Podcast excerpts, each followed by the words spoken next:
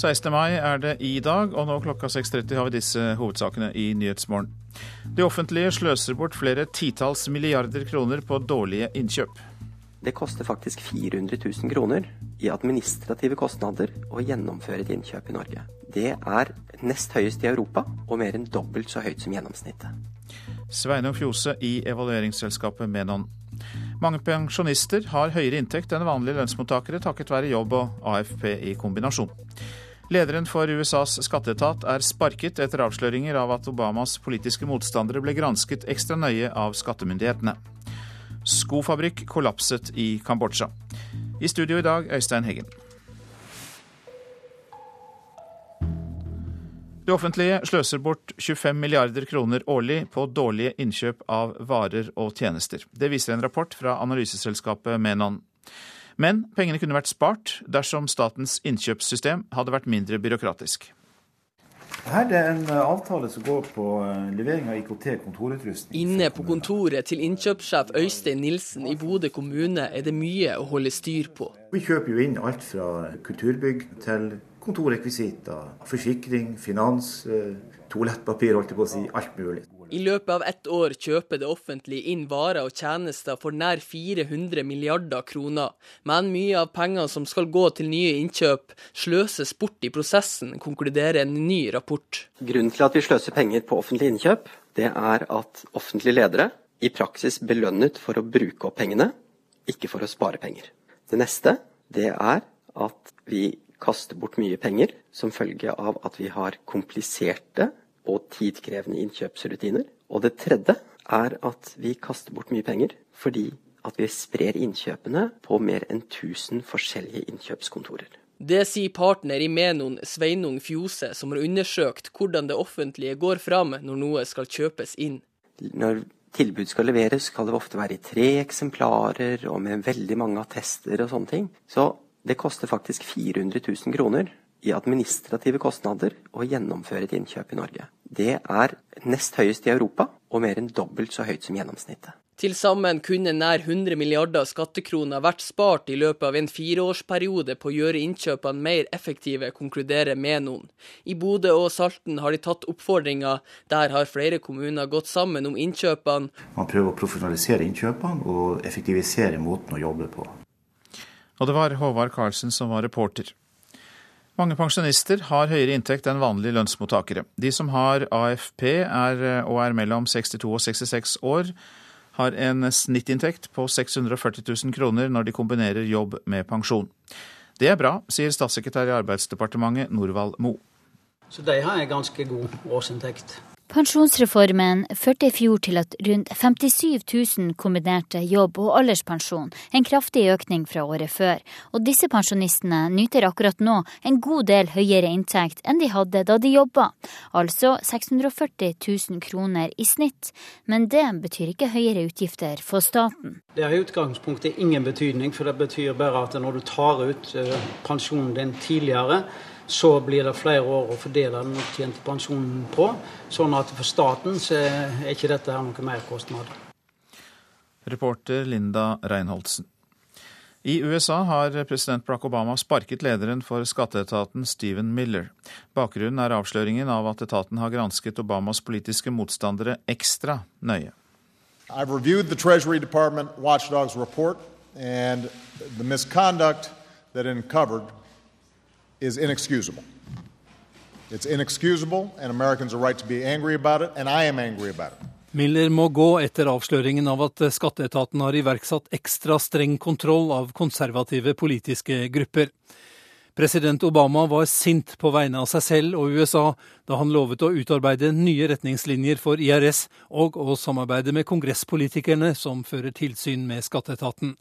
Obama vil gjøre alt som står i hans makt for å sørge for at noe slikt aldri skjer igjen. Kind of agency, IRS, given uh, the power that it has and the reach that it has in all of our lives.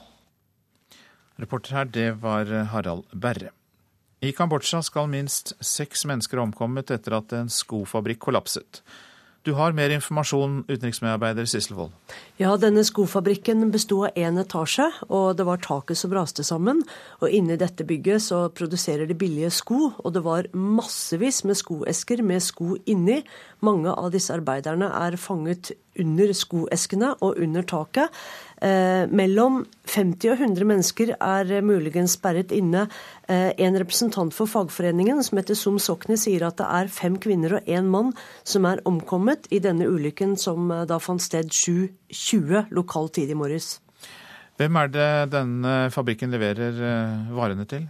Ja, det er en fabrikk som heter Red Wing Shoes, som er et taiwanesisk selskap som uh, produserer uh, sine varer der. Og De siste årene så har kambodsjanerne spesialisert seg på å lage billige sko. Men 22.3 i år så skrev avisen Phnom Penh Post at arbeiderne ved denne fabrikken stanset arbeidet i én time for å protestere mot elendige lønninger og arbeidsforhold ved akkurat denne fabrikken.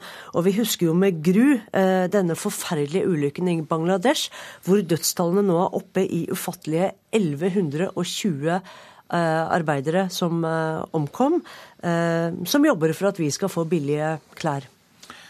Takk skal du ha, Sissel Wold. Og det blir mer om arbeidsforholdene for asiatiske tekstil- og skoarbeidere etter klokka sju her i Nyhetsmorgen. Politiet i New Orleans har arrestert den ettersøkte 19-åringen som er mistenkt for å være en av gjerningsmennene bak skytingen under en parade i byen søndag. 19 personer, blant dem to barn, ble såret. 19-åringen, som altså er arrestert, er blitt identifisert av flere vitner og har vært ettersøkt i tre dager. Nå til Oslo, for der er politiet fornøyd med at det ikke lenger er lov å sove ute.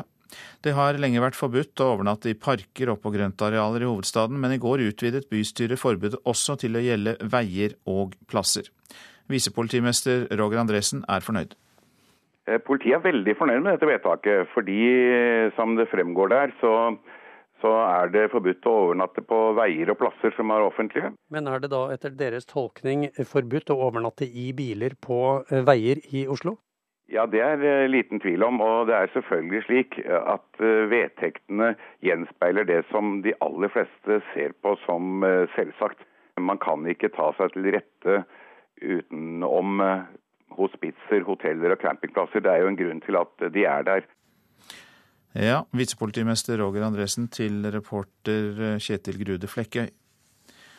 Den norske rekorden i utbetaling fra et pengespill ble smadret i går kveld, for da fikk en mann i 60-årene over 260 millioner kroner i Vikinglotto. Det er mer enn det dobbelte av den under to uker gamle forrige rekorden.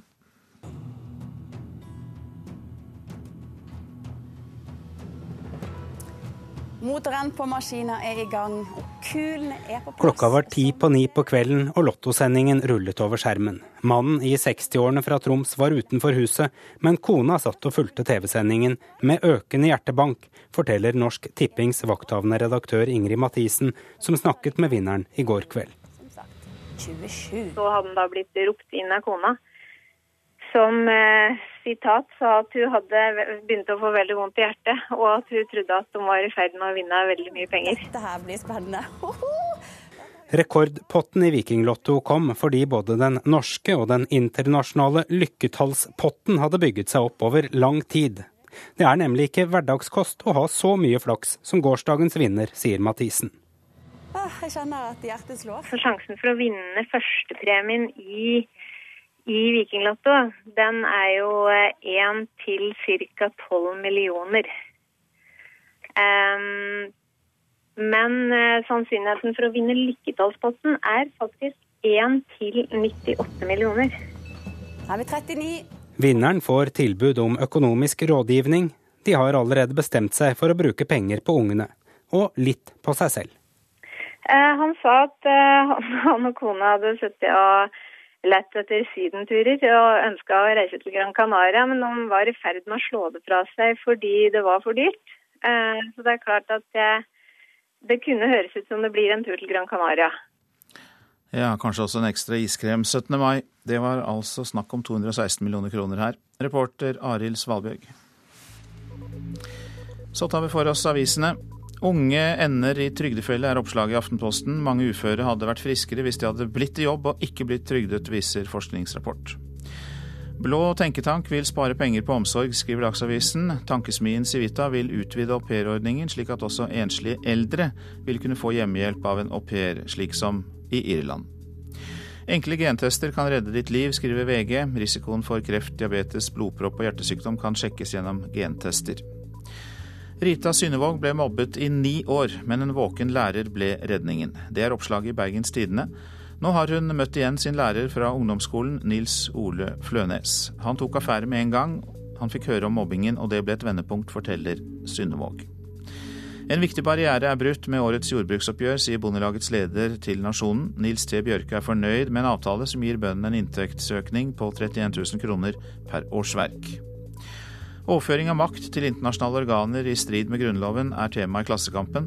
Det har skjedd i en lang rekke tilfeller, bl.a. til EØS og EU, sier Eirik Holmøyvik, som er statsrettsjurist. 3911 døgn i skrekkens hus er førstesideoppslaget i Dagbladet om overgrepene mot de tre kidnappede kvinnene i Cleveland i USA. Kvinnene har mange fysiske og psykiske skader og trenger langvarig terapi. Etikkrefs til familie- og likestillingsminister Inga Marte Torkelsen skriver Vårt Land. Etiske krav må stilles til norske kleskjeder, sier jusprofessor Beate Sjåfjell. Nesten alle har fått barnehageplass i bydelen der de bor, skriver Bergensavisen, men ikke barnehagebyråden selv, Harald Hove. Vi vet at vi bor i en krevende bydel, er byrådens svar.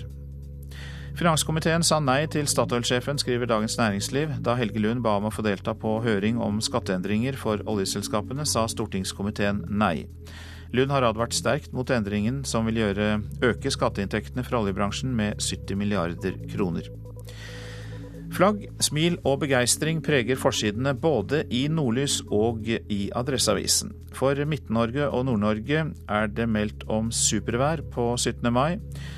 20 grader, skyfri himmel og vindstille.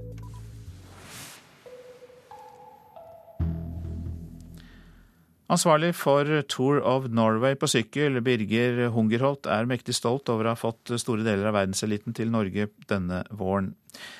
Med alle de norske proffene bortsett fra Tor Hushovd på plass, så kommer dette til å bli en skikkelig sykkelfest.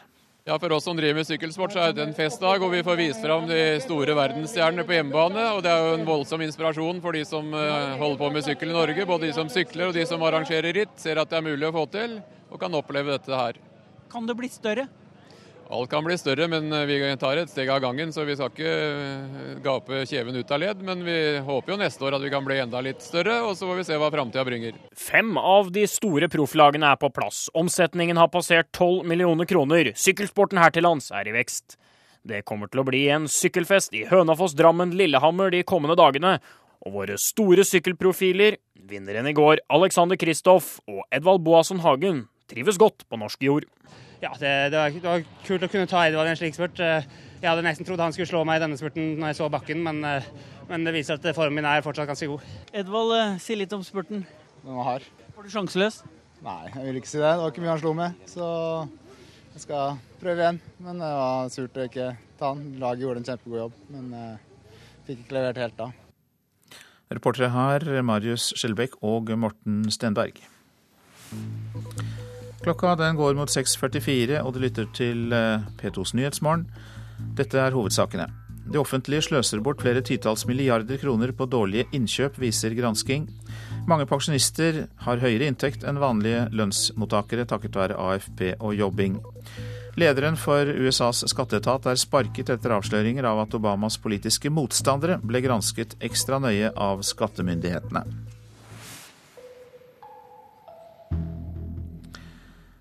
Og så slår vi fast at det er klart for delfinale nummer to i Eurovision Song Contest i Malmö i kveld. Norge, med Margaret Berger i spissen, konkurrerer om en finaleplass i Grand Prix. Det norske teamet har tro på at de vil eh, overgå konkurrentenes bidrag, selv eh, uten falsettsang og pyroteknikk. Det som er med den semifinalen, er at det er mer opptempo-ting, så man må liksom presse mer for å komme igjennom det. Men jeg håper at nummeret mitt skiller seg ut. De som Margaret Berger må skille seg ut blant i kveld, er bl.a. aserbajdsjanske Farid, finske Kristals eh, poplåt 'Marry Me' og Cæsar fra Romania, som bokstavelig talt tar helt av.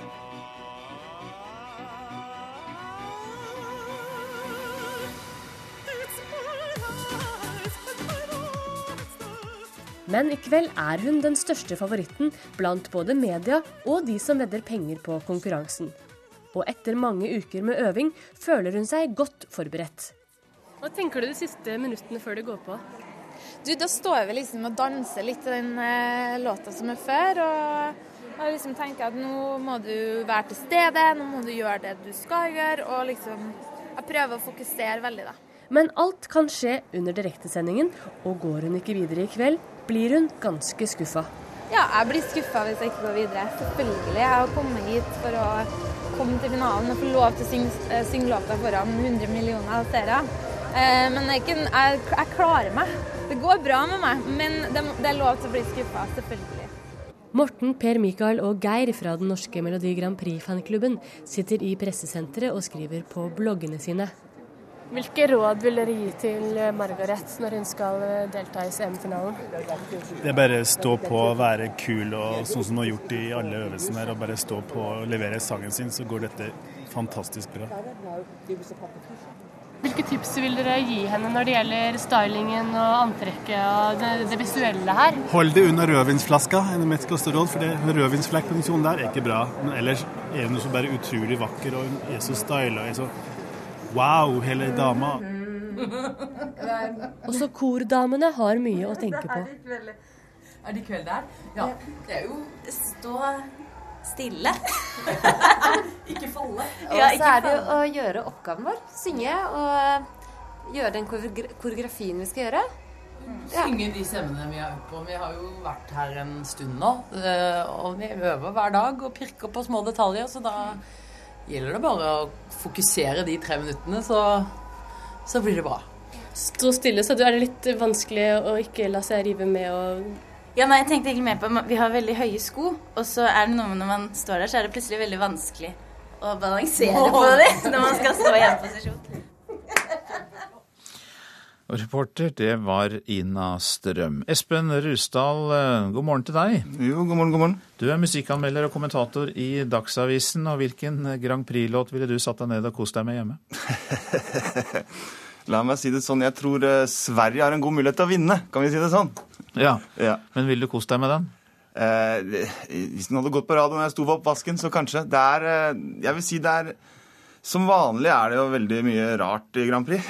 Det er jo som å forvente. Det er jo på en måte det det skal være òg, for det er jo Grand Prix er på en måte sånn brukskitsch. Man treffes, man er på fest, man uh, heier på Norge, f.eks. Og det er jo veldig sjelden man spør uh, hvilken låt som er best. Det er mer 'hvem tror du vinner'? Det går i. Det er litt sånn sports, sportsterminologi over dette her. Ja, så det er mye vakker styling som vi hørte i innslaget, og høye sko. ja.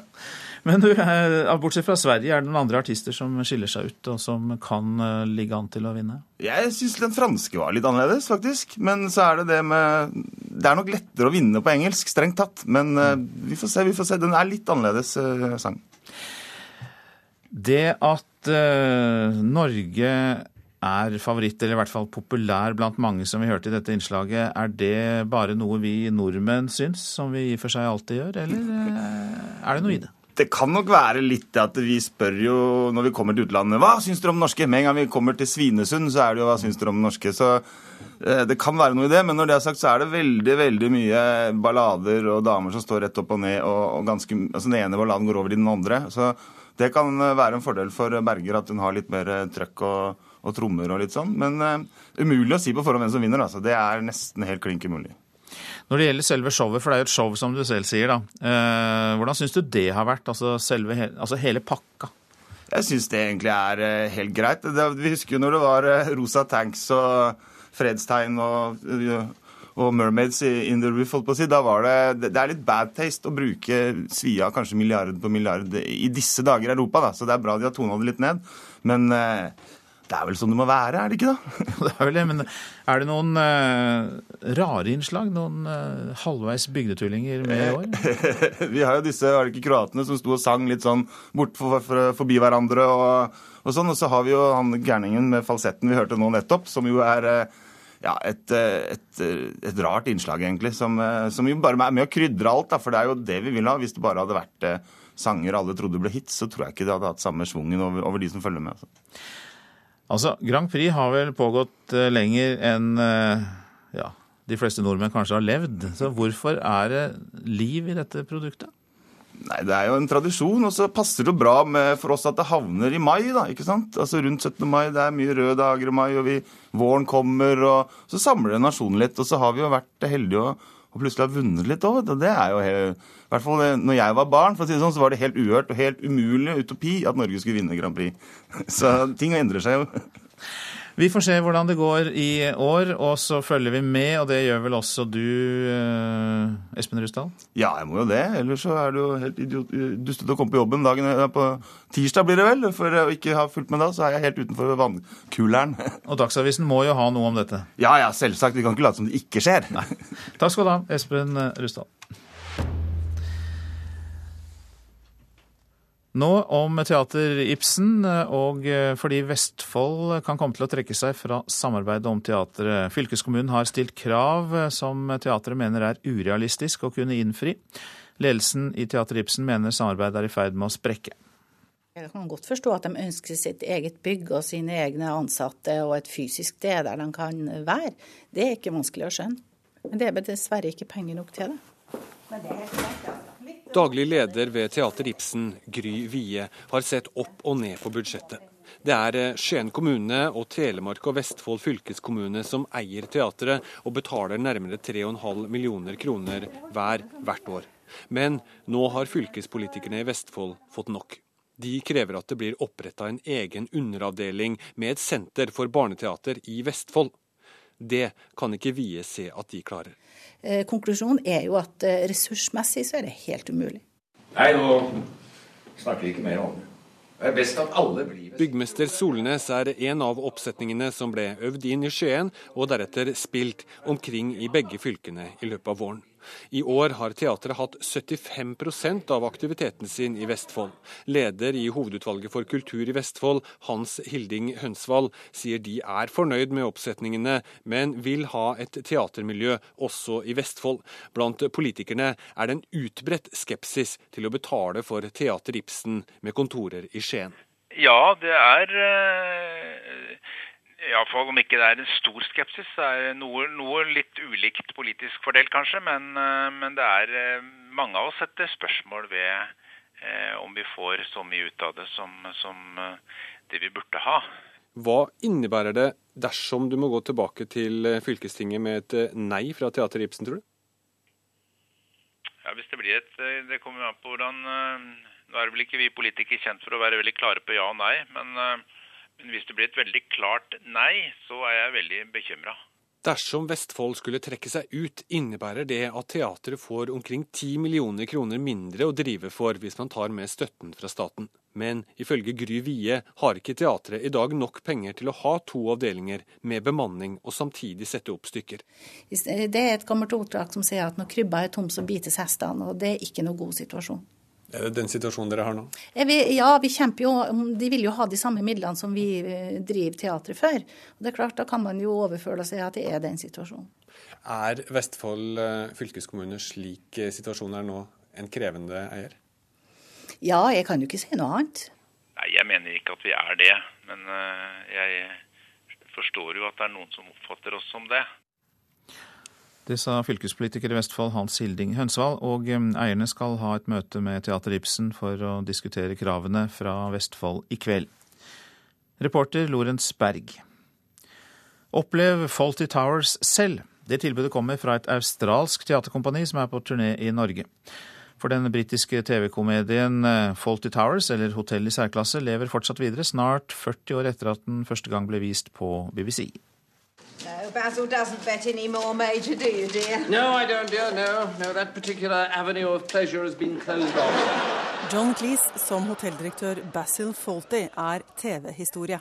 And we don't want it opened up again, do we, Basil? No, you don't, dear. Så populær er 70-tallsserien fra BBC at den stadig vises på TV rundt om i verden. Man, what, it's a rat? Pigeon? It's a rat. No, no, no, no, it's hamster. Well, of course it's a rat. You have rats in Spain, don't you? Or did Franco have them all shot? Den krakilske hotellsjefen, hans sarkastiske kone og underkuede spanske kelner er ikoniske rollefigurer. Nå også i et omreisende, interaktivt teater. Et australsk teaterkompani reiser verden rundt for å la folk oppleve hvordan det kunne ha vært å bli servert av de elleville karakterene. Og denne uka er de vertskap i Stavanger. Kunstnerisk leder for kompaniet er Alison Pollard Manser. We'll seat them, we'll serve them. The stage is around your table. The idea for you to feel like you're in that television series. It's a whole lot of tributes, it's. It's one of the most popular comedies around the world. You call that a bath? It's not big enough to drown a mouse. It's disgraceful. I wish you were a mouse on a train. It was so well written. It's layers upon layers upon layers of, of comedy. And and every time I see the episodes, I can still laugh. Det ble bare laget tolv eksklusive episoder, og de er så velskrevet at det er umulig å gå lei. Det sier Pollet Manser om årsaken til TV-suksessen, som nå altså kan oppleves på kroppen i ny utgave. Publikum fikk gebiss i suppa, og selv ikke reportere slapp unna Basils temperament. Folk betaler gjerne for å bli plaget i denne sammenhengen, sier teatersjefen. Familien Viggo, Vicky og Ellen Marie Ødegaard Stenbekk kan bekrefte. De, de utøver karakterene bra. Han eh, sendte oss ut pga. brannalarm. Men så fikk du benyttet anledningen til å gå på do, da. og Jarle Tvervågvik, som hadde fått kvelden i julepresang, ble slett ikke skuffa. Originalen klarer ingen å matche, men eh, jeg syns de har gjort en fantastisk bra kveld. Levende teater på 40 år gammel tradisjon. Reporter Anette Johansen Espeland. Mange bier dør av sult. Årsaken er den sene våren. Konsekvensene kan bli at norske honningprodusenter ikke klarer å levere nok honning. Biene skulle normalt vært ute i godt varmt vær og forsynt seg av den næringsrike seljeblomstringen nå, men i stedet så dør de i kubene pga. at de mangler næring. Det er Bergens Tidende som skriver dette. Hvis kulda fortsetter, så blir det for lite norsk honning. Det sier Odd Gjermundrød, styreleder i Honningsentralen SA.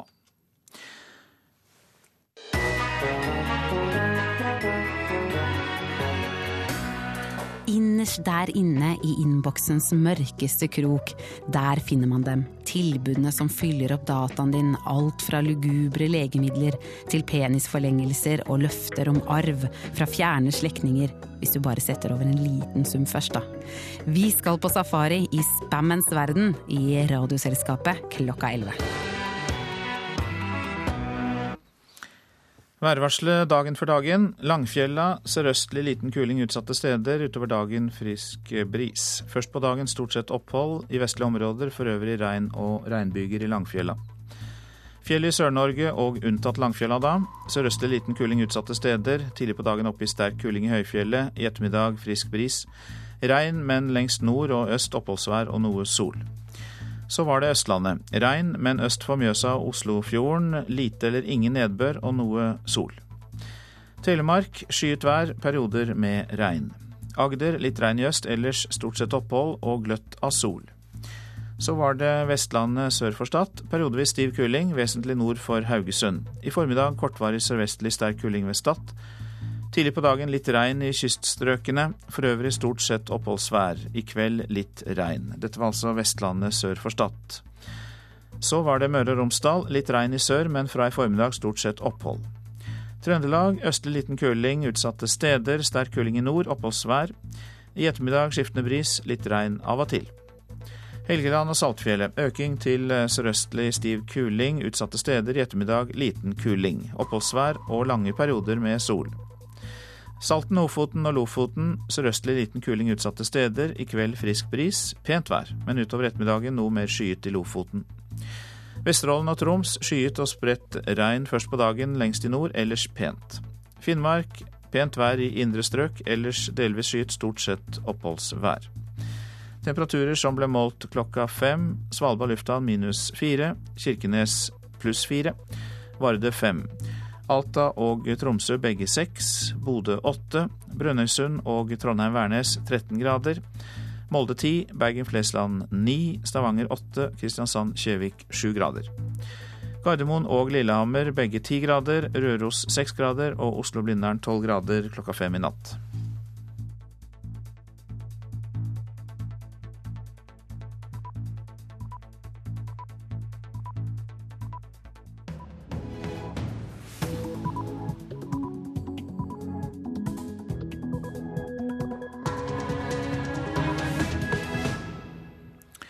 Petos Nyhetsmorgen heter programmet du lytter til.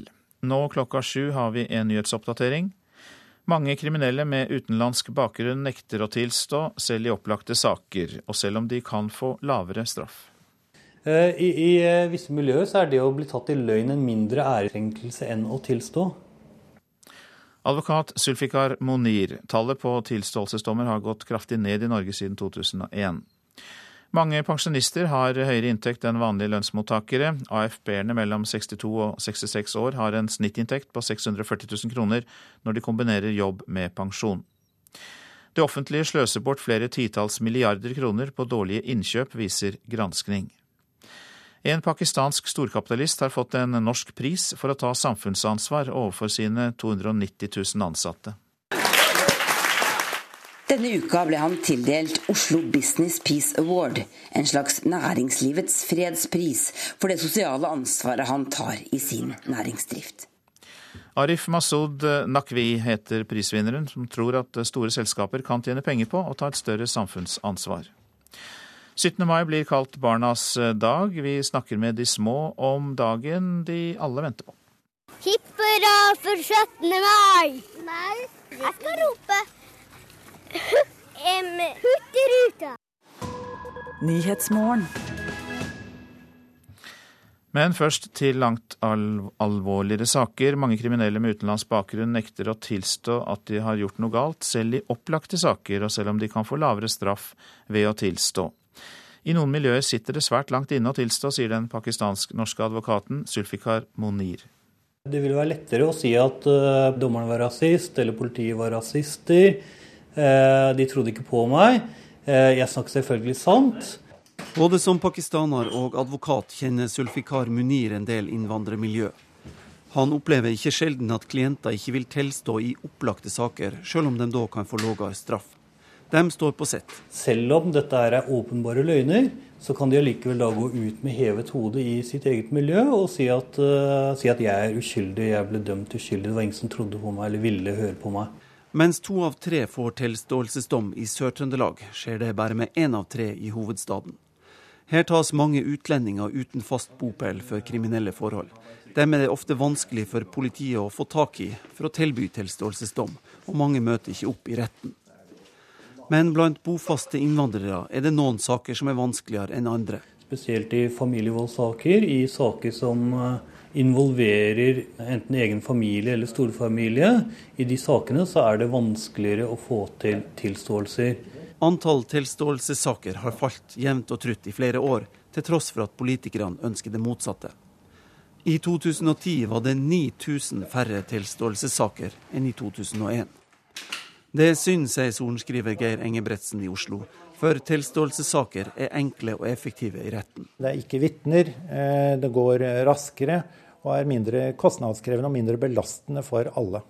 Er det et inntrykk blant dommerne i tingretten at en tilståelse sitter lenger inne hos en del med innvandrerbakgrunn?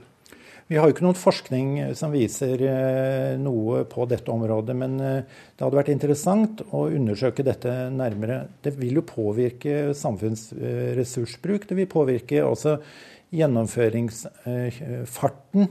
Og det er positivt hvis man kommer fram til behandlingsmåter som ga kort avstand i tid fra handling til dom og straffereaksjon. Han tror at enklere informasjon på flere språk kunne ha hjulpet. Det er ikke til å komme forbi at det er vanskelig hvis du er mestrer norsk dårlig, å trenge inn i å forstå hvordan dette systemet fungerer. Vi har et stykke vei å gå der. Men for mange av dem som tas for forbrytelser, kjennes det tryggest å lyge, sier Sulfikar Munir. De kan komme med en helt åpenbar løgn. Og man kan sitte med dokumentasjon, og vedkommende vet også at dommeren sitter med en dokumentasjon.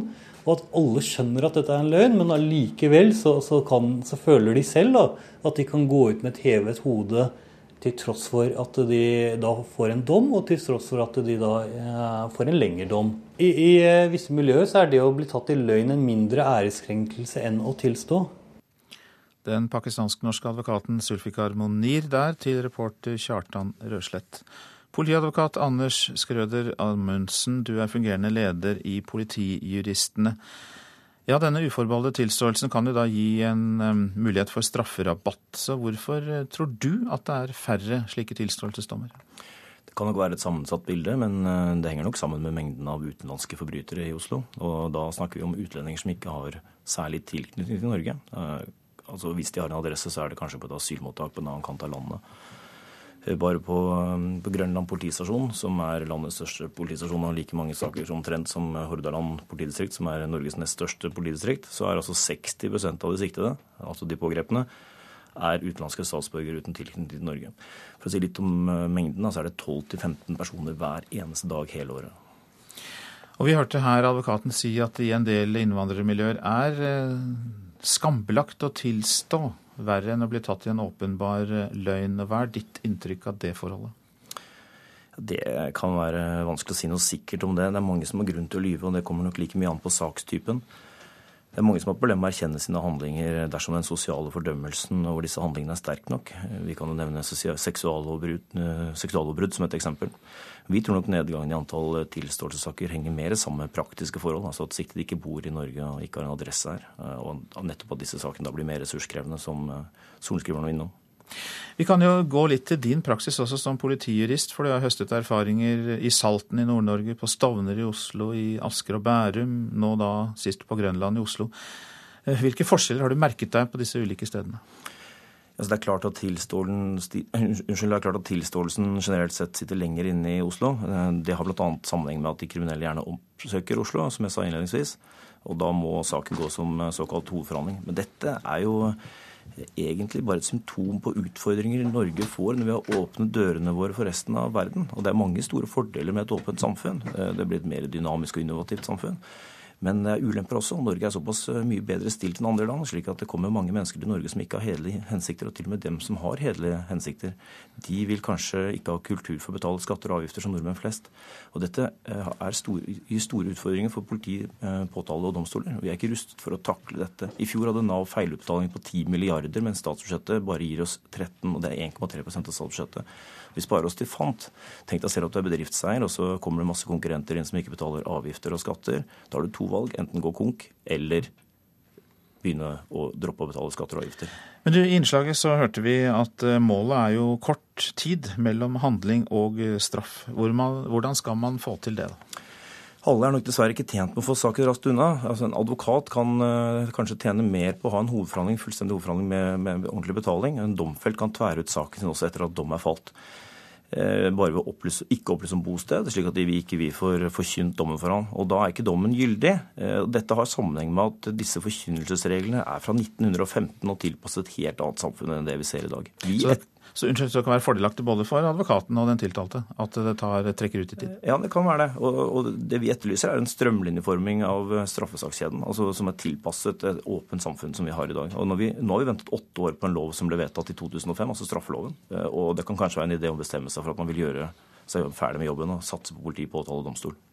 Det er en del å gjøre. Politiadvokat Anders Skrøder Amundsen, hjertelig takk for at du kom. Du er eh, fungerende leder i Politijuristene. Takk for at jeg fikk komme. Nå om eh, mange pensjonister som har eh, høyere inntekt enn vanlige lønnsmottakere. AFP-erne mellom 62 og 66 år har nå en snittinntekt på 640 000 kroner når de kombinerer jobb med pensjon. Det er bra, sier statssekretær i Arbeidsdepartementet. Så de har en ganske god årsinntekt. Pensjonsreformen førte i fjor til at rundt 57 000 kombinerte jobb og alderspensjon, en kraftig økning fra året før. Og disse pensjonistene nyter akkurat nå en god del høyere inntekt enn de hadde da de jobba, altså 640 000 kroner i snitt. Men det betyr ikke høyere utgifter for staten. Det har i utgangspunktet ingen betydning, for det betyr bare at når du tar ut eh, pensjonen din tidligere, så blir det flere år å fordele den opptjente pensjonen på. Sånn at for staten så er ikke dette noe merkostnad. Forteller Norvald Mo, statssekretær for Arbeiderpartiet i Arbeidsdepartementet. Da gjelder det å spare, for når de slutter å jobbe faller årsinntekta dramatisk. Da må de leve kun på pensjon, som i snitt er på rundt 200 000 kroner for denne gruppa. Det er spesielt sliterne, folk med lav utdannelse og jobb i privat sektor, som nå jobber lenger. Det er veldig bra for samfunnet at dette betyr at de jobber lenger enn tidligere. Mener seksjonssjef for kunnskapsstaben i Nav, Ole Kristian Lien. I offentlig sektor derimot gjelder ikke pensjonsreformen på samme måte. Der lønner det seg ikke å stå på lenger. Ja, det er sånn at uh, Insentivene til å jobbe lenger har blitt forbedra mest uh, i privat sektor, særlig i AFP-bedrifter. Ser at det også der sysselsettingen øker mest. Men det er egentlig økning for alle sektorer. Det er vel og bra at folk nå jobber lenger, men dagens 50- og 60-åringer bør tvinges til å jobbe enda lenger. Det mener leder i Unge Høyre, Paul Joakim Sandøy. Vi gir ut mer i pensjoner enn vi tar inn. Dvs. Si at systemet er ikke bærekraftig, og det betyr at den pensjonen vi betaler ut i dag, eh, den bevilger vi egentlig på bekostning av eh, fremtidige generasjoner. Og det var Linda Reinholsen som hadde laget denne reportasjen. Jurist og pensjonsekspert Alexandra Plate, velkommen til deg. Takk, god morgen. Ja, Unge Høyre frykter at de som er eh, gamle nå, tømmer pengekista og sender regningen til de unge. Hva tror du om finansieringen av pensjonene? Det kommer jo litt an på hvilke, hvilke pensjon man snakker om. For her snakket man jo både om fleksibel alderspensjon fra folketrygden, og det regelverket gjelder jo absolutt alle. Og det nye der med pensjonsreformen er at vi har fått et nytt system hvor vi er vant til å tenke at pensjon det er relatert til fratreden. Nå er det ikke et spørsmål om når du skal gå av med pensjon, men et spørsmål om når du skal ta ut din pensjon. Og da ser man jo at veldig mange velger å starte uttak av pensjonen i kombinasjon med fortsatt arbeid. La oss ta det først, da, fordi AFP-ordningen skulle jo hjelpe sliterne, så vidt jeg husker, til å forlate arbeidslivet tidligere. Men hva er ordningen blitt nå? Ja, for da er du på den andre ordningen. For ja. det som ligger i folketrygden, deler alle. Og når det gjelder avtalefestet pensjon, så tror jeg at noe av grunnen til at veldig mange blir forvirret, er at ny AFP i privat sektor er blitt sånn som det er blitt. Det heter fortsatt AFP, som det gjør i offentlig sektor, men der slutter likhetene. I privat sektor så har du nå fått en AFP som er et livsvarig gode, speiler prinsippet i folketrygden om at det er ikke lenger et spørsmål om når du skal gå av med pensjon, men det er et spørsmål om når du skal ta ut AFP-en din. Så full jobb og full AFP i privat sektor, det er fullt mulig. Hvis du fyller vilkårene for det.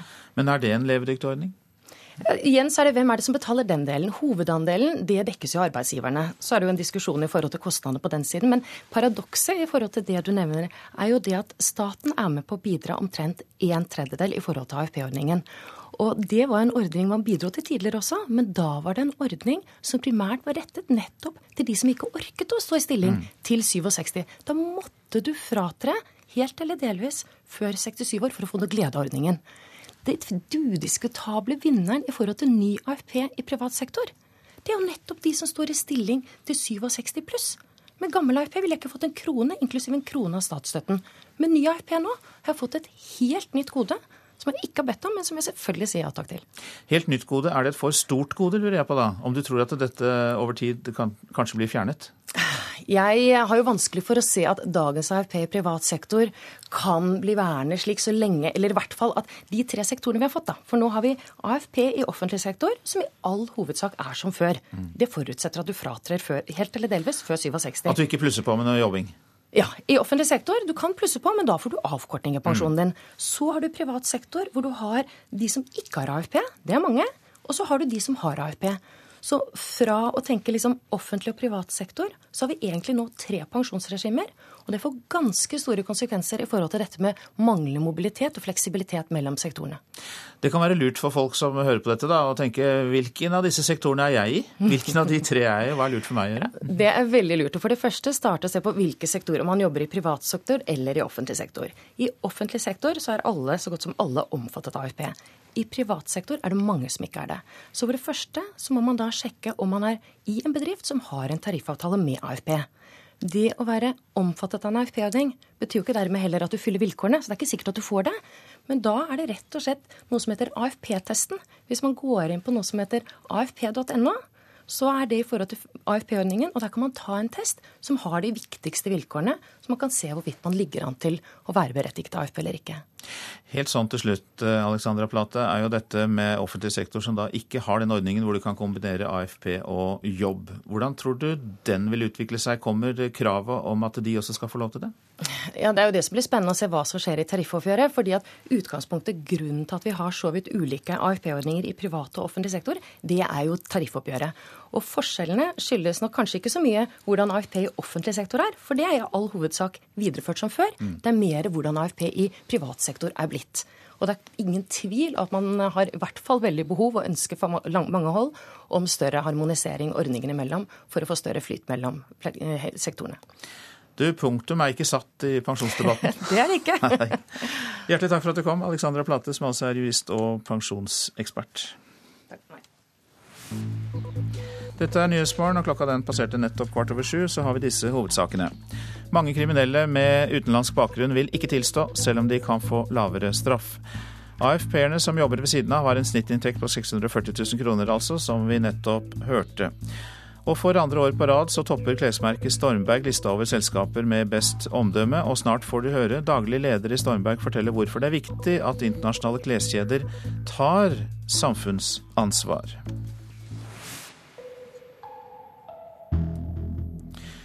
I Kambodsja omkom minst seks personer da deler av en skofabrikk kollapset i dag, opplyser en lokal fagforening. Det var om lag 100 mennesker i fabrikken da taket raste sammen i morges, ifølge nyhetsbyrået Reuters. Det er kommet meldinger om at 50 mennesker kan være innesperret i bygningsrestene, og mange skal ha blitt skadd. En pakistansk storkapitalist har fått en norsk pris for å ta samfunnsansvar overfor sine 290 000 ansatte.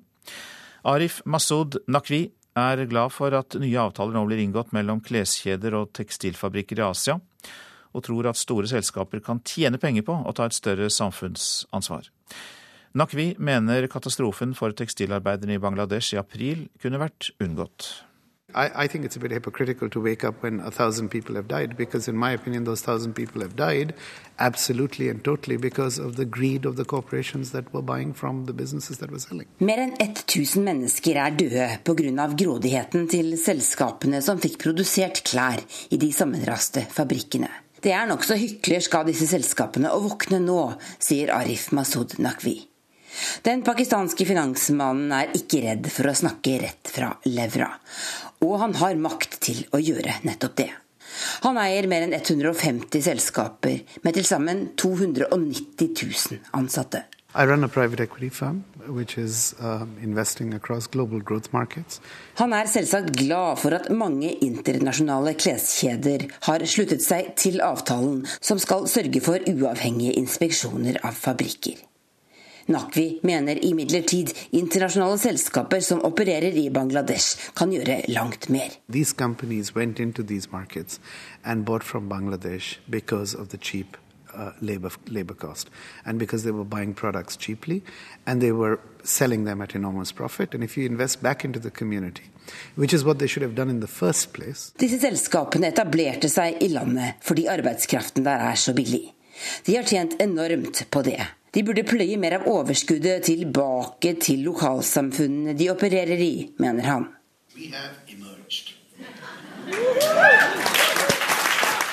Denne uka ble han tildelt Oslo Business Peace Award, en slags næringslivets fredspris for det sosiale ansvaret han tar i sin næringsdrift.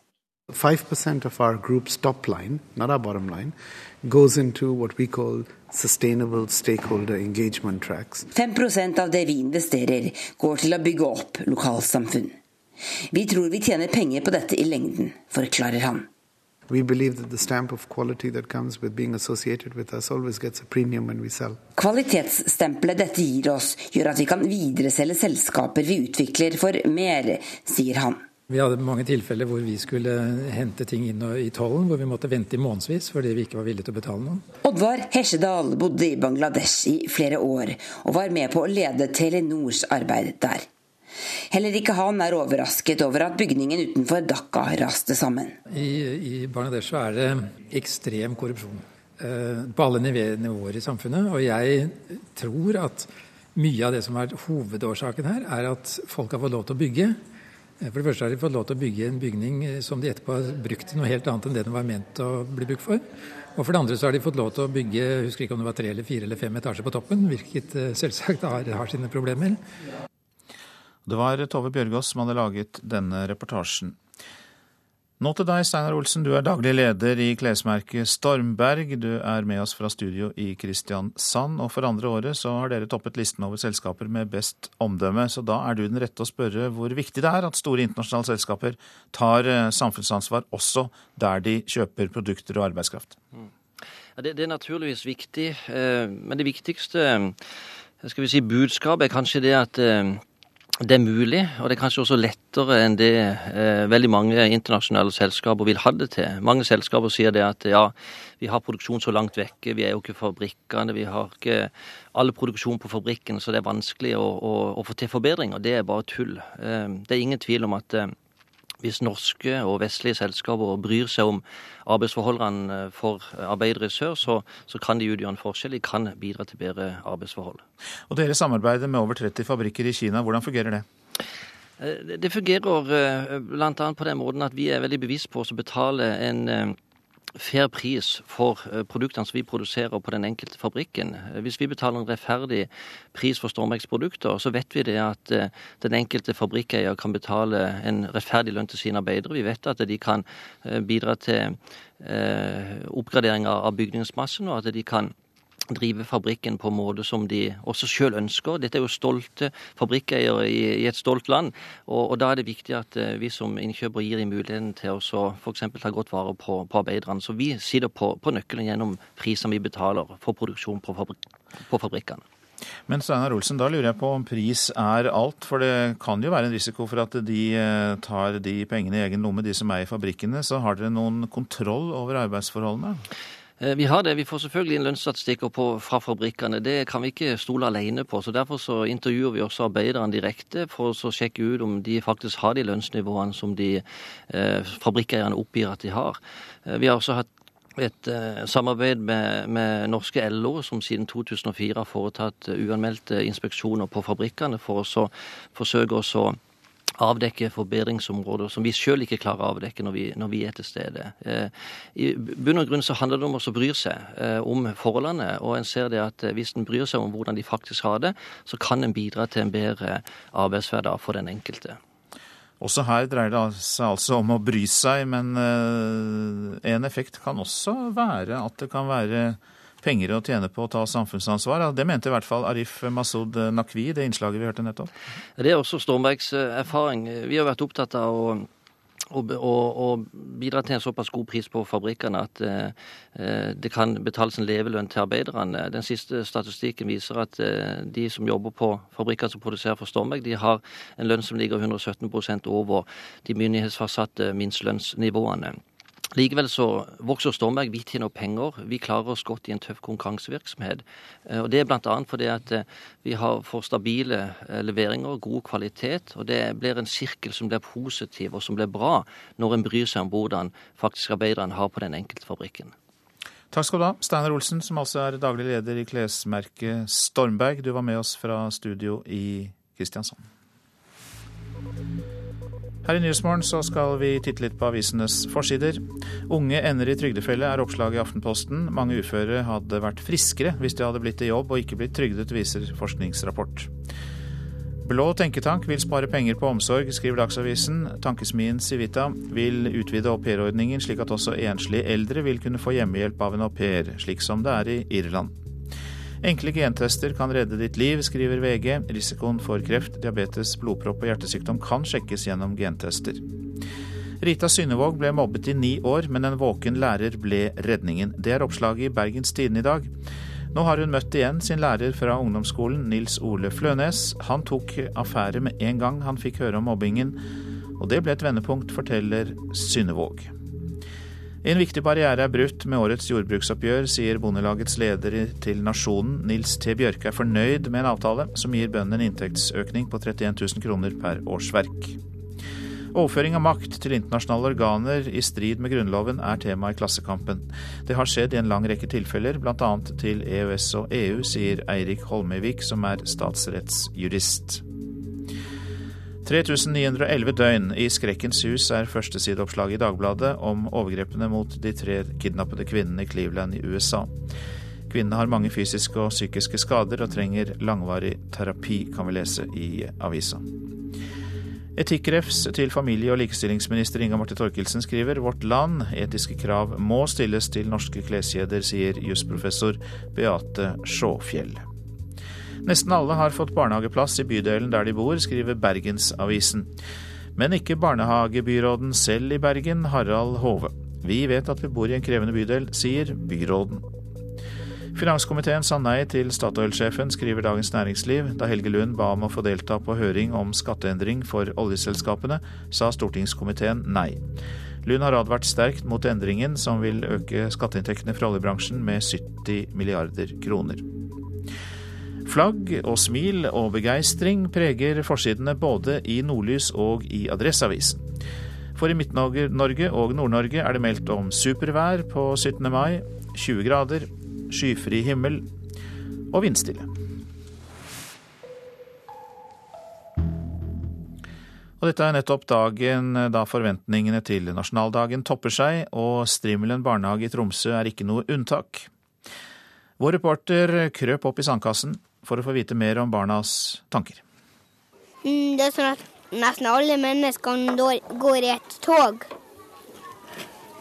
Hva de gjør i det toget? Mm, blåser fløyte. Man tar og blåser i instrument. Hva som skjer da? Det kommer ut masse toner. Hvorfor gjør man det på 17. mai? Fordi at man feirer dagen. At alle er så heldige. Men hvorfor er alle så heldige? Fordi at de feirer alle som har jobb og det.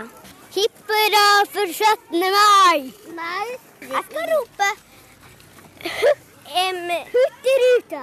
Nei, jeg Mathias, hvorfor feirer vi 17. mai? Det er fordi at Det er fordi at alle russene kommer. Altså når russene kommer, da, da feirer vi 17. mai fordi det er 17. mai sin bursdag. Norge sin bursdag. Norge sin bursdag. Hva gjør du på 17. mai? Eh, jeg går på tog, og så får jeg en ballong. Og så, og så bruker jeg å, å, å rope med fløyta mi. Når jeg roper, da sier jeg Hva du skal gjøre på 17. mai? Jeg skal blåse i den eh, bråkete fløyta, og så skal, og så, og så, og så skal jeg vifte på et flagg. Hvorfor det? Fordi at det, det må bli sånn at en, Norge blir um, feira godt. Men hvorfor er det viktig at Norge blir feira godt? Fordi at en, Norge må jo bli sånn godt. For, for da blir jo ikke Norge en, Da kan jo vi ikke bo der lenger. Jeg skal på 70 mai med bestemor. Og så skal jeg ha den med meg og den med meg. Og det er galle. Ja. Hva du skal ha på deg? Sånn der prinsesseklær på meg. Og det er galle. Jeg skal ha 17. mai-klær på meg. Det er vest, for eksempel. Og de finklærne mine som jeg, som, um, snart skal, som jeg skal ha på bursdagen min i morgen. Dress bruker mannen, og uh, jentene kan bruke bunad eller noe annet finklær. Du Helmine, hva du skal på deg på 17. mai? Um, jeg skal ha på meg 17. mai-klær. Hva er det? Altså, det er noen klær som man skal ha på seg på 17. mai. Som man kaller brunad. Hæ? Brunad. Jaha. Hvordan ser en eh, bunad ut? Det er en fin, lang, fin kjole. Så er den litt hvit og litt uh, rød. Og så er ja, ganske fin. Ja, det var Tove Jensen som rapporterte fra sandkassa i Strimmelen barnehage i Tromsø, der hun bl.a. fikk høre om brunad. I reportasjen etter Dagsnytt kan du få høre mer om de tyske sosialdemokratene som markerer sitt 150-årsjubileum som politisk parti i år. I Politisk kvarter kvart på åtte er jordbruksoppgjøret og offentlig sløsing temaer. Prosent for Nyhetsmorgen, Eli Bieland. Her i studio, Øystein Heggen. Tips eller kommentarer kan sendes på e-post til nyhetsmorgen, krøllalfa nrk.no. Nyhetsmorgen, krøllalfa nrk.no. Og så er det Odd Christian Dale som sitter klar med Dagsnytt straks.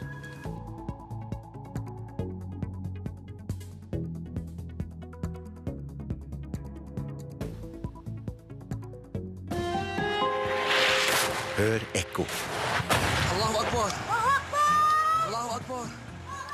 Muslim står mot muslim i Syria. I nabolandene er folk livredde for at krigen sprer seg til dem. Libanon, Irak og Nato-landet Tyrkia. Er verden på vei mot en global religionskrig mellom shia og sunnimuslimer? Ekko 9 11 i NRK P2. Færre forbrytere tilstår, sjøl om de da får mildere straff. Tak på skofabrikker sammen i Kambodsja, flere kan være sperra inne. Og det ble sett ny lottorekord i går. Mann fra Troms vant 216 millioner. God morgen, her er NRK Dagsnytt klokka er 7.30. Mange kriminelle med utenlandsk bakgrunn nekter å tilstå at de har gjort noe gale, sjøl i opplagte saker, og sjøl om det kan føre til lågere straff. Det kan være en av grunnene til at tallet på tilståingsdommer har gått kraftig ned her i landet siden 2001. Særlig er det få tilståingssaker i Oslo, der både mange utenlandske statsborgere og en del nordmenn med innvandrerbakgrunn blir tatt for kriminalitet. I noen miljø sitter svært langt inne å tilstå, sier den pakistansk-norske advokaten Sulfikar Munir. Det vil være lettere å si at uh, dommeren var rasist, eller politiet var rasister. Uh, de trodde ikke på meg. Eh, jeg snakker selvfølgelig sant. Både som pakistaner og advokat kjenner Sulfikar Munir en del innvandrermiljø. Han opplever ikke sjelden at klienter ikke vil tilstå i opplagte saker, selv om de da kan få lavere straff. De står på sett. Selv om dette er åpenbare løgner, så kan de allikevel da gå ut med hevet hode i sitt eget miljø og si at, uh, si at jeg er uskyldig, jeg ble dømt uskyldig, det var ingen som trodde på meg eller ville høre på meg. Mens to av tre får tilståelsesdom i Sør-Trøndelag, skjer det bare med én av tre i hovedstaden. Her tas mange utlendinger uten fast bopel for kriminelle forhold. Dem er det ofte vanskelig for politiet å få tak i for å tilby tilståelsesdom, og mange møter ikke opp i retten. Men blant bofaste innvandrere er det noen saker som er vanskeligere enn andre. Spesielt i familievoldssaker, i saker som uh, involverer enten egen familie eller storfamilie, i de sakene så er det vanskeligere å få til tilståelser. Antall tilståelsessaker har falt jevnt og trutt i flere år, til tross for at politikerne ønsker det motsatte.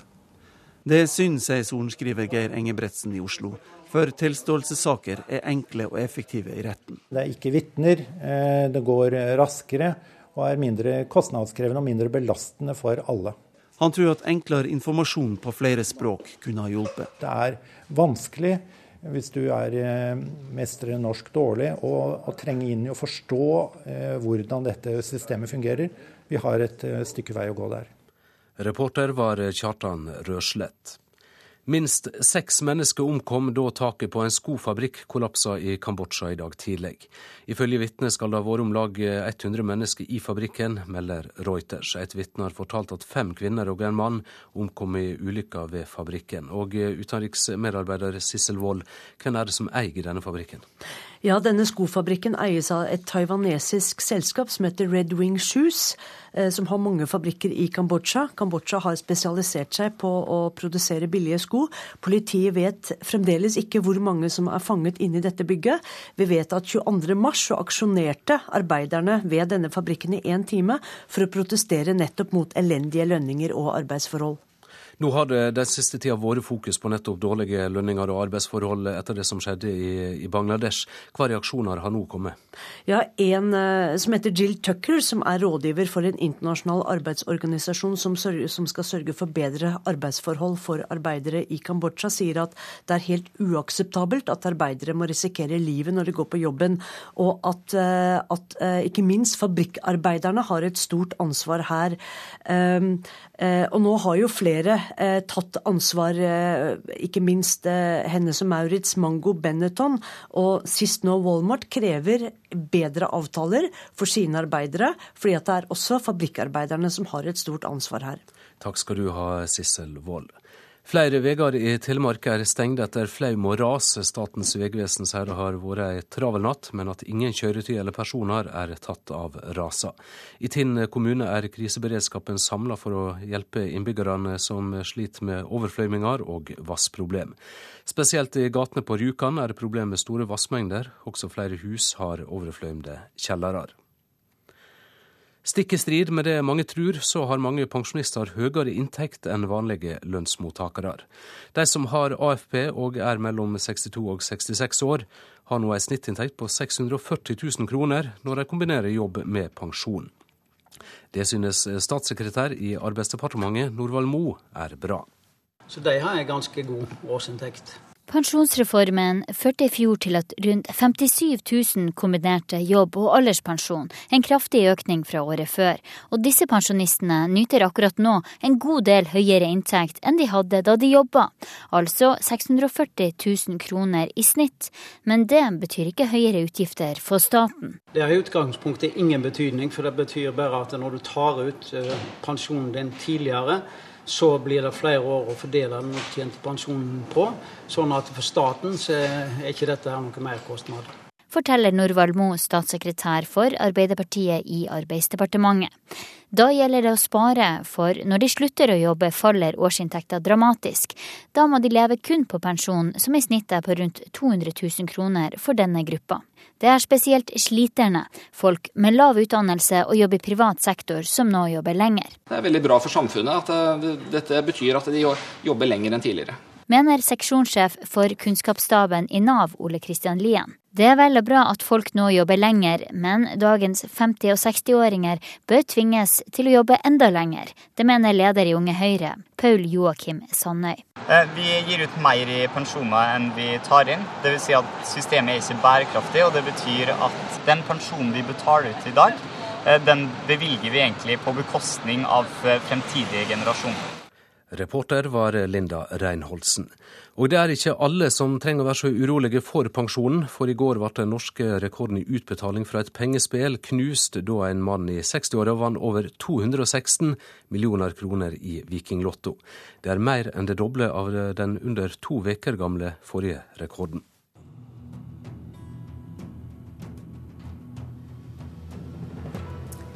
Motoren på maskina er i gang, og kulene er på plass. Klokka var ti på ni på kvelden, og lottosendingen rullet over skjermen. Mannen i 60-årene fra Troms var utenfor huset, men kona satt og fulgte TV-sendingen med økende hjertebank, forteller Norsk Tippings vakthavende redaktør Ingrid Mathisen, som snakket med vinneren i går kveld. 27. Så hadde han da blitt ropt inn av kona som eh, sitat sa at hun hadde begynt å få veldig vondt i hjertet, og at hun trodde at hun var i ferd med å vinne veldig mye penger. Dette her blir spennende. Rekordpotten i Vikinglotto kom fordi både den norske og den internasjonale lykketallspotten hadde bygget seg opp over lang tid. Det er nemlig ikke hverdagskost å ha så mye flaks som gårsdagens vinner, sier Mathisen. Jeg kjenner at hjertet slår. Sannsynligheten for å vinne lykketallspotten er faktisk 1 til 98 millioner. Da er vi 39. Vinneren får tilbud om økonomisk rådgivning. De har allerede bestemt seg for å bruke penger på ungene, og litt på seg selv. Han og kona hadde sittet og lett etter sydenturer og ønska å reise til Gran Canaria, men de var i ferd med å slå det fra seg fordi det var for dyrt. Eh, så det er klart at det, det kunne høres ut som det blir en tur til Gran Canaria. Ja, Reporter her var Arild Svalbjørg. I kveld klokka 21 starter den andre delfinalen i Melodi Grand Prix i Malmö.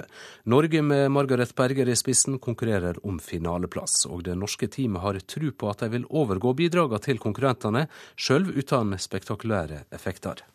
Det som er med den semifinalen, er at det er mer opptempo-ting, så man må liksom presse mer for å komme igjennom. det. Men jeg håper at nummeret mitt skiller seg ut. De som Margaret Berger må skille seg ut blant i kveld, er bl.a. aserbajdsjanske Farid, finske Kristals poplåt 'Marry Me' og Cæsar fra Romania, som bokstavelig talt tar helt av.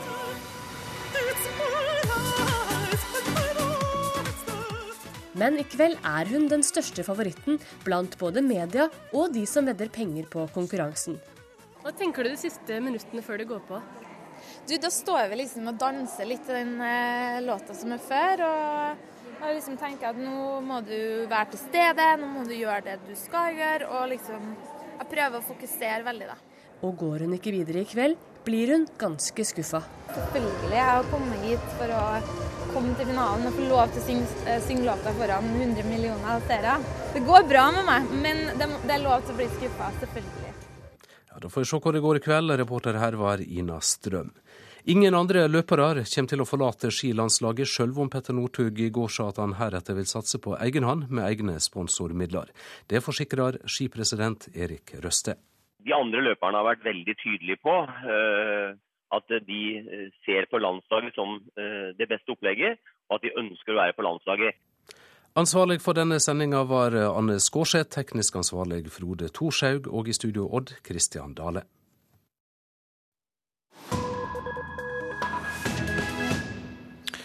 Et av Europas eldste og viktigste politiske partier skal vi høre om nå. De tyske sosialdemokratene fyller 150 år neste uke. Det er eh, ingen tvil om hva partiet aller helst vil ha i jubileumsgave.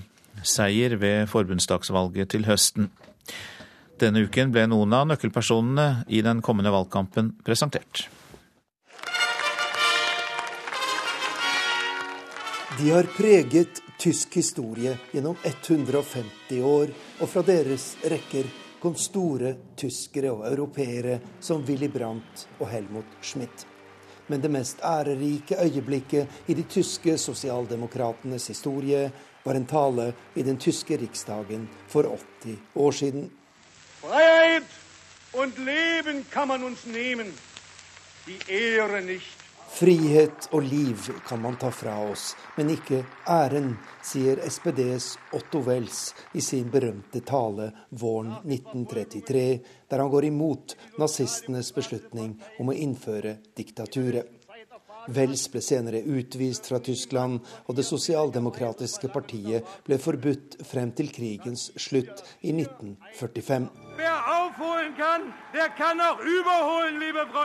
Men en ærerik historie er ikke nok til å fenge tyskerne i det viktige valgåret 2013.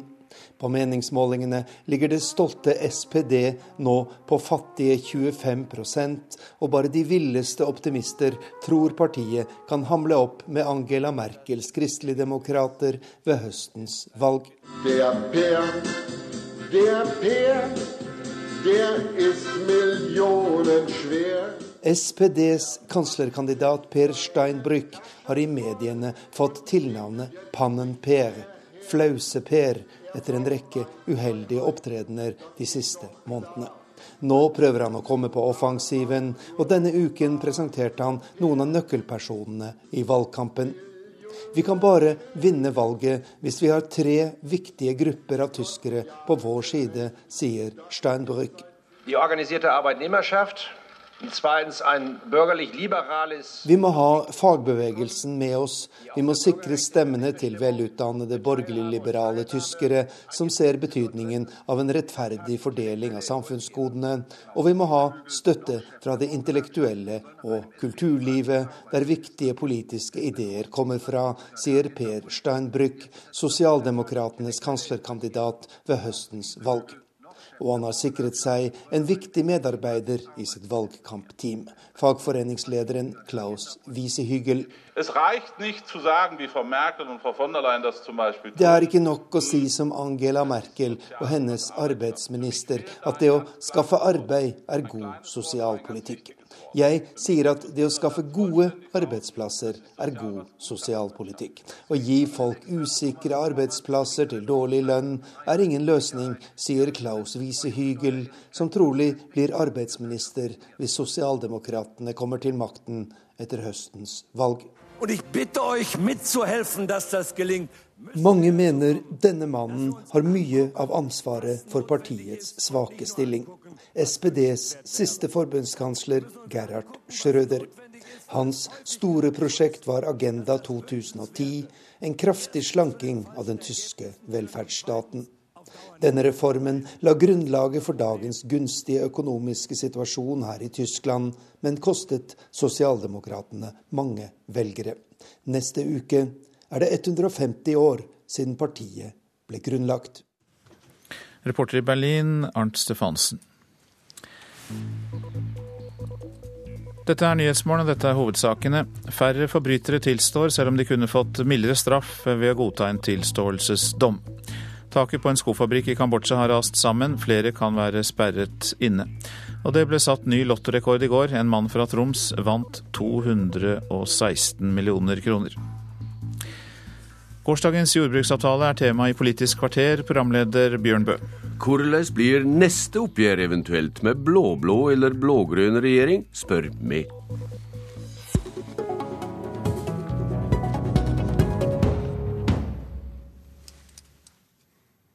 Dette er en viktig avtale for norsk matproduksjon og norske bønder.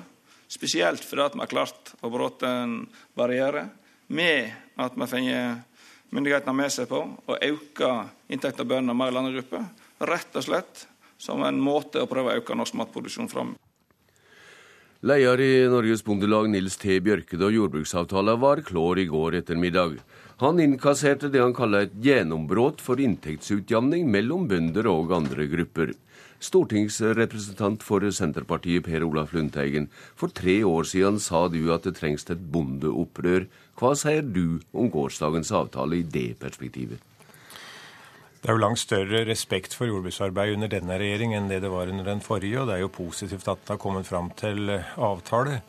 Men det er jo viktig å ha god kontakt med de som arbeider med jord og dyr. Og da ser en jo det at det er svak rekruttering, og at eh, jordbruksarealet går ned. I det hele tatt at matvaresikkerheten svekkes, sånn at vi er i en bekymringsfull situasjon. Det må alle som kjenner næringa erkjenne. Dette var ikke godt nok, altså? Vel, det er det som er situasjonen under de nåværende forhold. Jeg vil legge vekt på at en altså forholder seg til det som skjer ute i, i, praksis. Som sagt, det er større respekt for jordbruksarbeid nå. En har muligheter til å øke prisene som følge av at en har fått et bedre tollvern. Og jordbruk er jo næring, og da må du ha betalt for de varene, den trygge maten du produserer. Hvor tjenlig er denne avtalen for å sikre Senterpartiet et hyggelig valgresultat til høsten? Vel, det var nødvendig å få en, en jordbruksavtale. Sjølsagt er det det. For det er jo en rød-grønn regjering. Det er jo en regjering mellom det grønne Senterpartiet og de to røde partiene. Det er en regjering mellom det som skal være av bygd og by. og Derfor er det viktig at du har en gjensidig respekt for hverandres kjernevelgere. Ja, Er det nok til å gi Senterpartiet et godt valg, var spørsmålet? Eh, det skal jeg være forsiktig med å, svare på. Det som er eh, viktig her, er at den har framtidstro. Vi fikk inn i forrige, eh, i fjor, en ordning med grøftetilskudd, som er en symbolsak, fordi at det viser at regjeringa vil satse på større fruktbarhet i jorda. Det er viktig som en framtidsoptimisme. Svein Flåtten, du er næringstalsmann i Høyre. Hvordan blir jordbruksoppgjøret annerledes dersom det kommer til makta etter valget i september? Ja, Det blir annerledes på den måten at vi vil se enda mer på lønnsomheten i jordbruket. Ikke bare se dette som et eh, lønnsoppgjør. Det har med innretningen av budsjettilskuddene å gjøre. Det har med å se på å utnytte produksjonskapasiteten på de enkelte bruk. Altså se på dereguleringer i produksjonsgrenser, den typen ting, som gjør at ikke man får utnyttet kapasiteten. Det har jo direkte med lønnsomhet å gjøre. Og så vil jeg avvise det Per Olaf Lundteigen sier her, at eh, Bondevik II-regjeringen ikke hadde noen respekt for bøndene. Vi gjennomførte landbruksoppgjørene. Resultatene var selvfølgelig forskjellige ut fra de økonomiske konjunkturene, men det har jo ikke noe med manglende respekt for næringen å gjøre. Jeg, jeg syns Flåtten skulle være etterrettelig det jeg sa, at denne regjeringa har større respekt for eh, jordbrukets arbeid. Og det er jo ganske paradoksalt når Høyre sier at den skal ha bedre lønnsomhet, og så skal totale inntektene gå ned. Ingen jordbrukere som er aktive i næringa for skjønner, skjønner hva Høyre driver med. Eh, Kristelig Folkeparti ønsker å regjere sammen med Høyre og næringstalsmann Steinar Reiten. Hvordan ser du for deg at neste jordbruksoppgjør under et eventuelt nytt politisk flertall blir? Jeg vil nå først eh, få understreke det at Høyre er et parti som vi har eh, gode erfaringer med. Eh, vi har òg hatt et godt samarbeid om landbrukspolitikk tidligere, og jeg stussa nok òg på Lundteigen sin uttalelse her. Han unngår jo behendig å snakke om snøen som falt i fjor. Et elendig oppgjør der bøndene endte opp med 5000 mindre enn øvrige grupper. Men det har programfestet at det vil utvikle tilskuddsordningene slik at det i større grad fører til variert bruksstruktur. Hva tyder det i praksis? Ja, det betyr at eh, Kristelig Folkeparti står for en landbrukspolitikk slik som den eh, har ligget etter krigen, med jordbruksoppgjør eh, som er separat fra statsbudsjettbehandlinga et aktivt importvern og en modell med samvirke som markedsregulator. Så Det betyr jo at vi har som et utgangspunkt at vi ønsker at det her skal fortsette i de sporene som, som, det har ligget. Litt mer konkret, Svein Flåtten. Høyre vil sette bøndene fri, bruker det å si, og gi bøndene rom til å satse større. Hva tyder det rent håndfast utover det du sa innledningsvis? Ja, Nå sier vi ikke så veldig mye at vi vil sette de fri, men vi sier at vi vil gi muligheter til eh, lønnsomhet. Og helt håndfast så betyr det at eh, vi vil bruke tilskuddsordningene mye mer i produksjonsfremmende retning. Se på innretningen, se på om det er midler som brukes til Eh, ikke-produksjonsfremmende tiltak, men også se på grenser for produksjon, altså konsesjonsgrenser, dereguleringer, kvotetak osv.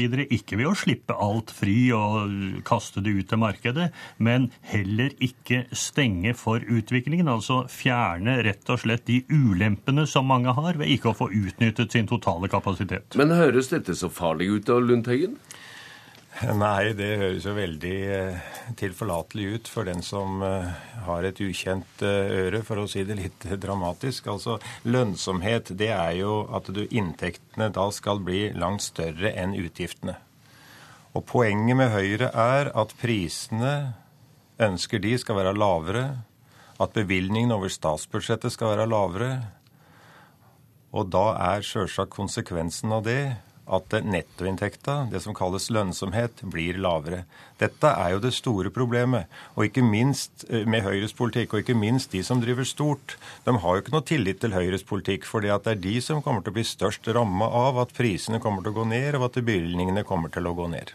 Eh, Reiten, eh, Kristelig Folkeparti eh, skryter av at det er bedre vener for bøndene enn det Senterpartiet er. Hvordan ser du det i det perspektivet du hører imellom Lundteigen og Flåtten her?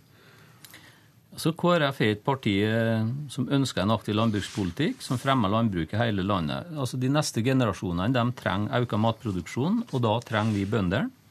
Og bøndene de trenger en inntekt som de kan leve av. Det er hele forutsetninga for at du skal ha et insentiv til økt matproduksjon. Og enda mer variert bruksstruktur enn nå. Ja, Vi sier at vi vil ha en fortsatt variert bruksstruktur, eh, der du har alle typer bruk, fra de store samdriftene og til mellomstore og små gårdsbruk. I større grad fører til en variert bruksstruktur, står det i programmet ditt. Ja, altså en, en større grad. Det, det, vil jo si at eh, du har uh, en større valgfrihet eller mulighet til å få en variert bruksstruktur. Mm. Svein Flåtten, fra utsida høres det ut som Høyre og Kristelig Folkeparti har forskjellig utgangspunkt? Ja, vi har nok litt forskjellig utgangspunkt, men jeg tror vi er enige om uh, målet. Og heller ikke vår uh, landbrukspolitikk, selv om vi ser den for seg selv, vil ødelegge norsk landbruk. Vi har nettopp gjennomført en undersøkelse, den er kvalitetssikret av Norsk institutt for landbruksforskning, som viser at det blir ikke noe dramatikk, selv om en ser bare på Høyres landbrukspolitikk isolert. Det blir differensiert bruksstruktur, det blir landbruk over hele landet. Man opprettholder produksjonen. Så blir det litt større bruk, litt strukturendringer, men det er overhodet ingen dramatikk i dette. Så når Lundteigen eh, sier at de som lytter til Høyre, de har ikke noe rede på landbrukspolitikk, så tror jeg han tar feil. Jeg tror faktisk det er ganske mange som ser at de har innskrenkninger og begrensninger i sin drift som hindrer lønnsomheten. Og det er ikke bare toppen som betyr noe for totale inntektene, Lundteigen. Det er også differansen mellom kostnader og inntekter. Ja, Per Olaf Lundteigen, eh, Høyre har vel et poeng i at større bruk kan gi både bedre lønnsemd og økt produksjon, og at det kanskje er greit med et taktskifte i jordbrukspolitikken? Altså, det er eh, en arbeidsproduktivitetsvekst i norsk jordbruk de siste ti åra som er over 6% per år. Ingen andre næring har en tilsvarende arbeidsproduktivitetsvekst. Og når realinntekta da har vært tilnærma uendra, så betyr det at du arbeider med en dobla produksjon hvert ellevte år. Så det er en utvikling i norsk jordbruk som er radikal i, i retning av at istedenfor å bruke de lokale grasarealene, så importerer en stadig mer kønn fra utlandet. Det er faktum for norsk jordbruk. og Det er derfor at eh, vi får en utvikling som reduserer matvaresikkerheten. Lønnsomhet, for å gå tilbake til det, det er at, det, eh, at det, inntektene er så mye høyere enn utgiftene at du får et overskudd. Og Høyres politiske problem er at de ønsker at importvernet skal bli svakere, prisene blir lavere og at bevilgningen skal bli mindre. Da er det noe som ikke går i sammen. Høyre forteller her en historie som er en solskinnshistorie, som ikke fungerer i det været vi har i Norge. Reiten, du ba om ordet her, men da må jeg stikke inn eh, spørsmålet. Er du sammen med Lundteigen i at det kanskje er feil å legge så stor vekt på kraftfôrprisen når det trass i alt er importert varer som grunnlag for produksjon? Ja, Det som jeg egentlig ba om ordet for, eh, det var jo å si meg enig med Lundteigen når du ser på utviklinga i norsk landbruk, for det har vært en helt fantastisk produktivitetsvekst. Og egentlig så er det vel slik at eh, utviklinga går eh, i retning av større bruk, eh, større budskap, eh, større kvoter på enkeltbruker. Og det er jo som et resultat at vi har dyktige bønder i Norge som ser muligheter for å ta ut en rasjonaliseringsgevinst. Det som jeg syns er lite tilfredsstillende med det oppgjøret som vi nettopp har fått i havn, det er jo det at bøndene igjen ikke har fått ta ut den produktivitetsgevinsten gjennom oppgjøret. Mm. Men eh, når vi nå eh, er inne på strukturene her, eh, Reiten, er strukturrasjonalisering, for å bruke dette stygge uttrykket, framandgjørende omgrepet om tall på bønder og bruksstorleik, en viktig sak for dykk i møte med Høyre? Og vi må vel ikke glemme at Fremskrittspartiet også er i det politiske landskapet? Altså jeg tror at både Kristelig Folkeparti og, og, Høyre er enige om at den produktivitetsveksten som har vært i landbruket, den bør fortsette. Vi bør ha bruk som er rasjonell eh, og tilpassa den situasjonen hver bonde er i. Eh, så her trenger det ikke å være noen motsetning mellom partiene akkurat på det. Akkurat når det gjelder samdrifter, størrelsen på dem og kvotetak, så er det nok en forskjell i politikken som KrF og Høyre vil føre. Flåten til det med strukturrasjonalisering. Den går jo sin gang hele tiden. Det minker 1000 bruk i året, også under den rød-grønne regjeringen. Og det som er poenget med dette, mener jeg, er at man må prøve å lage en politikk først for den utviklingen som man allikevel ser kommer. Det vil bli færre bruk uansett hvem som regjerer i dette landet. La oss da lage en politikk som gjør det lønnsomt da for de som blir igjen, i stedet for å la utviklingen gå sin gang og reparere med politikk etterpå. Ja, Lundteigen, det ser mørkt ut, syns du, når du tenker på at det kan bli blåblått eller blågrønt flertall etter valget? Ja, Det er jo helt uh, opplagt. Det har en jo erfaring med gjennom alle historiske tider. Altså Det har vært en klar uh, konflikt mellom uh, bondevennene og de som har representert handelsinteressene, for å si det enkelt. Og, og Høyre har ikke noen god, godt rykte på seg ute i jordbruket i forhold til jordbruksarbeid. Men Svein Flåtten, du ser for deg en ny vår for jordbruket med nytt politisk flertall? Ja, jeg syns ikke man skal være pessimistisk i forhold til det. Og jeg tror vi skal få til et godt samarbeid med de andre borgerlige partiene. Noe skiller, men mye forener også. Så det kommer vi helt sikkert til å finne løsninger på. Og når Lundteigen sier at Høyre har et dårlig rykte, så må det være i de traktene han selv befinner seg. Det er ikke det inntrykket jeg får. Da sier jeg takk til deg, Svein Flåtten, til Steinar Reiten og til Per Olaf Lundteigen. Nå om ei litt anna side ved landbruket. I går hørte vi om opsjonsavtaler mellom jærbønder og bustadbyggere. Nå skal vi høre at gårdeiere på Nord-Jæren nytter seg av store advokatfirma for å sikre seg best mulige opsjonsavtaler med utbyggingsselskap. Gardsbruk som en gang i framtida blir utbygde med bustadfelt, kan gi bønder store årlige inntekter, stadfester advokat Endre Skjørestad. Hvis det er områder som ligger til rette for utbygging, og grunneieren ønsker det, så kan det være ikke ualminnelig at en henvender seg til de større og seriøse aktørene som vi vet fra før er i markedet, som ønsker å få hånd om utbyggingsareal. Endre Skjørstad er advokat hos advokatfirmaet Haver på Forus. Sammen med advokatselskapet Kluge er Haver stadig oftere involvert når gårdeiere på Nord-Jæren vil sikre seg gode opsjonsavtaler i forbindelse med eiendommene de besitter. NRK fortalte i går at utbyggingsselskaper allerede har sikret seg 90% av arealene som politikerne har satt av til utbygging de neste 30 årene i regionen. Vår oppgave når vi bistår grunneierne, er jo å, å, at de skal få ut den pris og de vilkår som markedet vil gi. Kjørestad vil ikke si noe om hvor mye enkelte grunneiere mottar i året gjennom opsjonsavtaler. Det vil heller ikke Egil Skjæveland, som i mange år har arbeidet med å sikre fremtidige tomter, både gjennom eget selskap og nå for Østerhus. Men han bekrefter at arbeidet med slike avtaler er blitt langt mer profesjonalisert de siste årene. I størst grad så er det nok bonden som kommer til oss, og de ser jo at eh, dette med for de det er omgjort til bolig, areal, næring eller et annet utbyggingsformål enn å drive, så er det ikke legge skjul på at eh, det ligger en del kroner i bånn. Reporter her, det var Ståle fra fjord. Politisk kvarter er slutt. Jeg heter Bjørn Bø.